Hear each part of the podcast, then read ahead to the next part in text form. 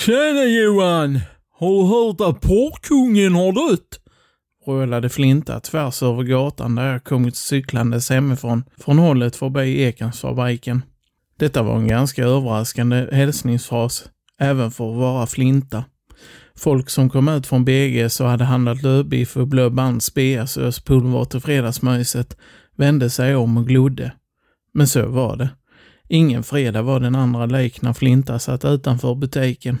Jag parkerade cykeln och satte mig bredvid Flinta, som jag gjort alla fredagar de senaste veckorna. Flinta flyttade försiktigt på sin ryggsäck och när han gjorde det stack en liten, liten get upp huvudet ur väsköppningen. Han är rätt fin, men hans morsa är ingen vidare snäll är han, så jag får nappa honom så idag fick han hänga med. Så det blir inget staketpiss idag. Det får man låta bli när man har ansvar för glöttar. Jo då, han gillade öl och rus, den där Flinta. Men eh, även han hade sina moraliska gränser. Ja, det låter ju fint, sa jag. Men du, du sa att porrkungen var död. Vilken porrkung? Han de snackade om på Kalla fakta på tv eller? Frågade jag och syftade på ett program jag hade sett om en som heter Carl Serung. Nej för fan, porrkungen i byn. Va? Har vi en porrkung i byn? Ja för fan. Bodde ute i bröd, du vet mot, mot äh, tränarhållet. Vet du var de hittade den där tösen som någon jävla dåre hade haft ihjäl? Han bodde inte så långt därifrån. Sa Flinta med en ton som närmast påminde om när Krösa-Maja berättade sagor i filmerna om Emil i Lönneberga. Jag bara satt och gapade. Det var ganska mycket att ta in på en gång det där. Vad, vad, vad var det för någon då? Undrade jag. Äh, jag har hört ett och annat från kärringarna som står här och snackar utanför affären. De fånträs på Norrköljunga som flyttade hit. Ingen visste vad det var för tjomme. Höll sig på sin kant och det var ofta många bilar på gården ibland, vilket gjorde att hans grannar började väl undra. Du vet, folk är så jävla förtröna för att ingen parkerar hemma hos dem. Jag fattade, precis som så många gånger för ingenting. Är man porrkung för att man har mycket folk hemma? Alltså vad, vad gjorde de? Kollade de på porrfilm ihop eller? Ja, här kommer vår fina. De spelade in porrfilm ihop. Va? Allvarligt? Här? I närheten? Ja. Du, jag hörde han som rörmokare för. Han stod och jiddrade med han som renoverar gamla kagelugnar. Och då berättade han att han skulle dit på jobb och det var så noga med att han skulle ringa innan han kom. Och det hade han gjort, men han fick inget svar så han åkte dit och knackade på en av längorna. Då hade den här porrkungen öppnat dörren och då såg rörmokaren minsann att där inne låg det två folk och låg. Ja, du vet, det gjorde det där fina. Men skillnaden var ju att de hade massa kameror och ljus och mickar och grejer riktade mot sig. Det låter ju helt otroligt, sa jag. Alldeles överväldigad av vad jag precis hade fått höra. Ja, jag vet, skrockade Flinta. Tänk att få till det och så ska en massa hålla på och filma det. Men nu, de fick nog betalt för det. Det är nästan som man blir lite avundsjuk alltså. Tänk dig hur det hade kunnat vara.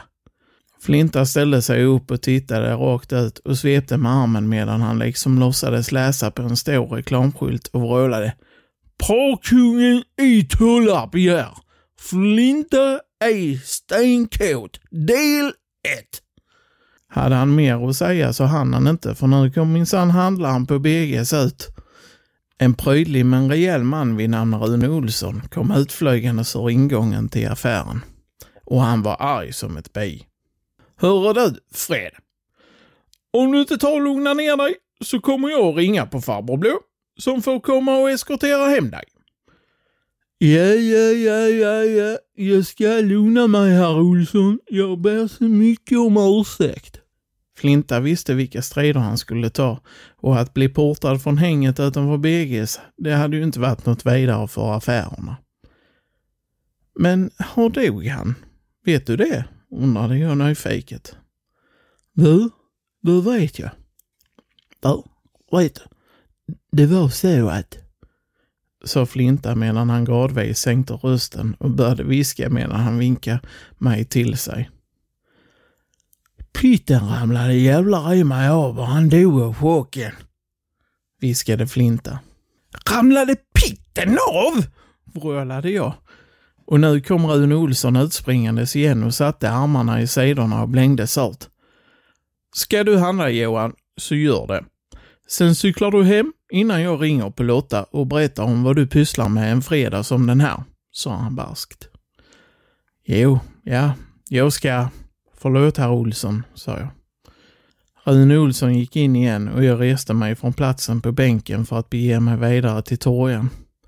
Jo, för idag var det inte BG som hägrade, annat än för Flintas sällskap. Nej, så inget staketpiss idag du Flintis, sa jag avslutande. Nej, sa Flinta och plockade upp sitt dragspel. Men jag säger som den där Christer Björkman stod och rålade i TV. Imorgon är en annan dag. Sorg är det staketpiss som uteblir, ty det kommer en ny chans när ny dag ska gry. Gastade Flinta filosofiskt. Hej med dig! Så long Flintis, sa jag och hoppade upp på stålhästen. Ja, cykeln alltså. Funderingarna snurrade länge efter det. Tänk, en porrkung i Tollarp, som antagligen handlat på BGs. Kanske köpte han samma mjölk som vi gjorde där hemma. Eller kanske samma godis. Kanske rent av sura kolanappar från samma låda i lösviktsgodiset. Eller nej, jag tror inte. Jag tror inte porrkungar gillar sura kolanappar. Jag älskar ju sura kolanappar och jag är ju definitivt ingen porrkung. Än.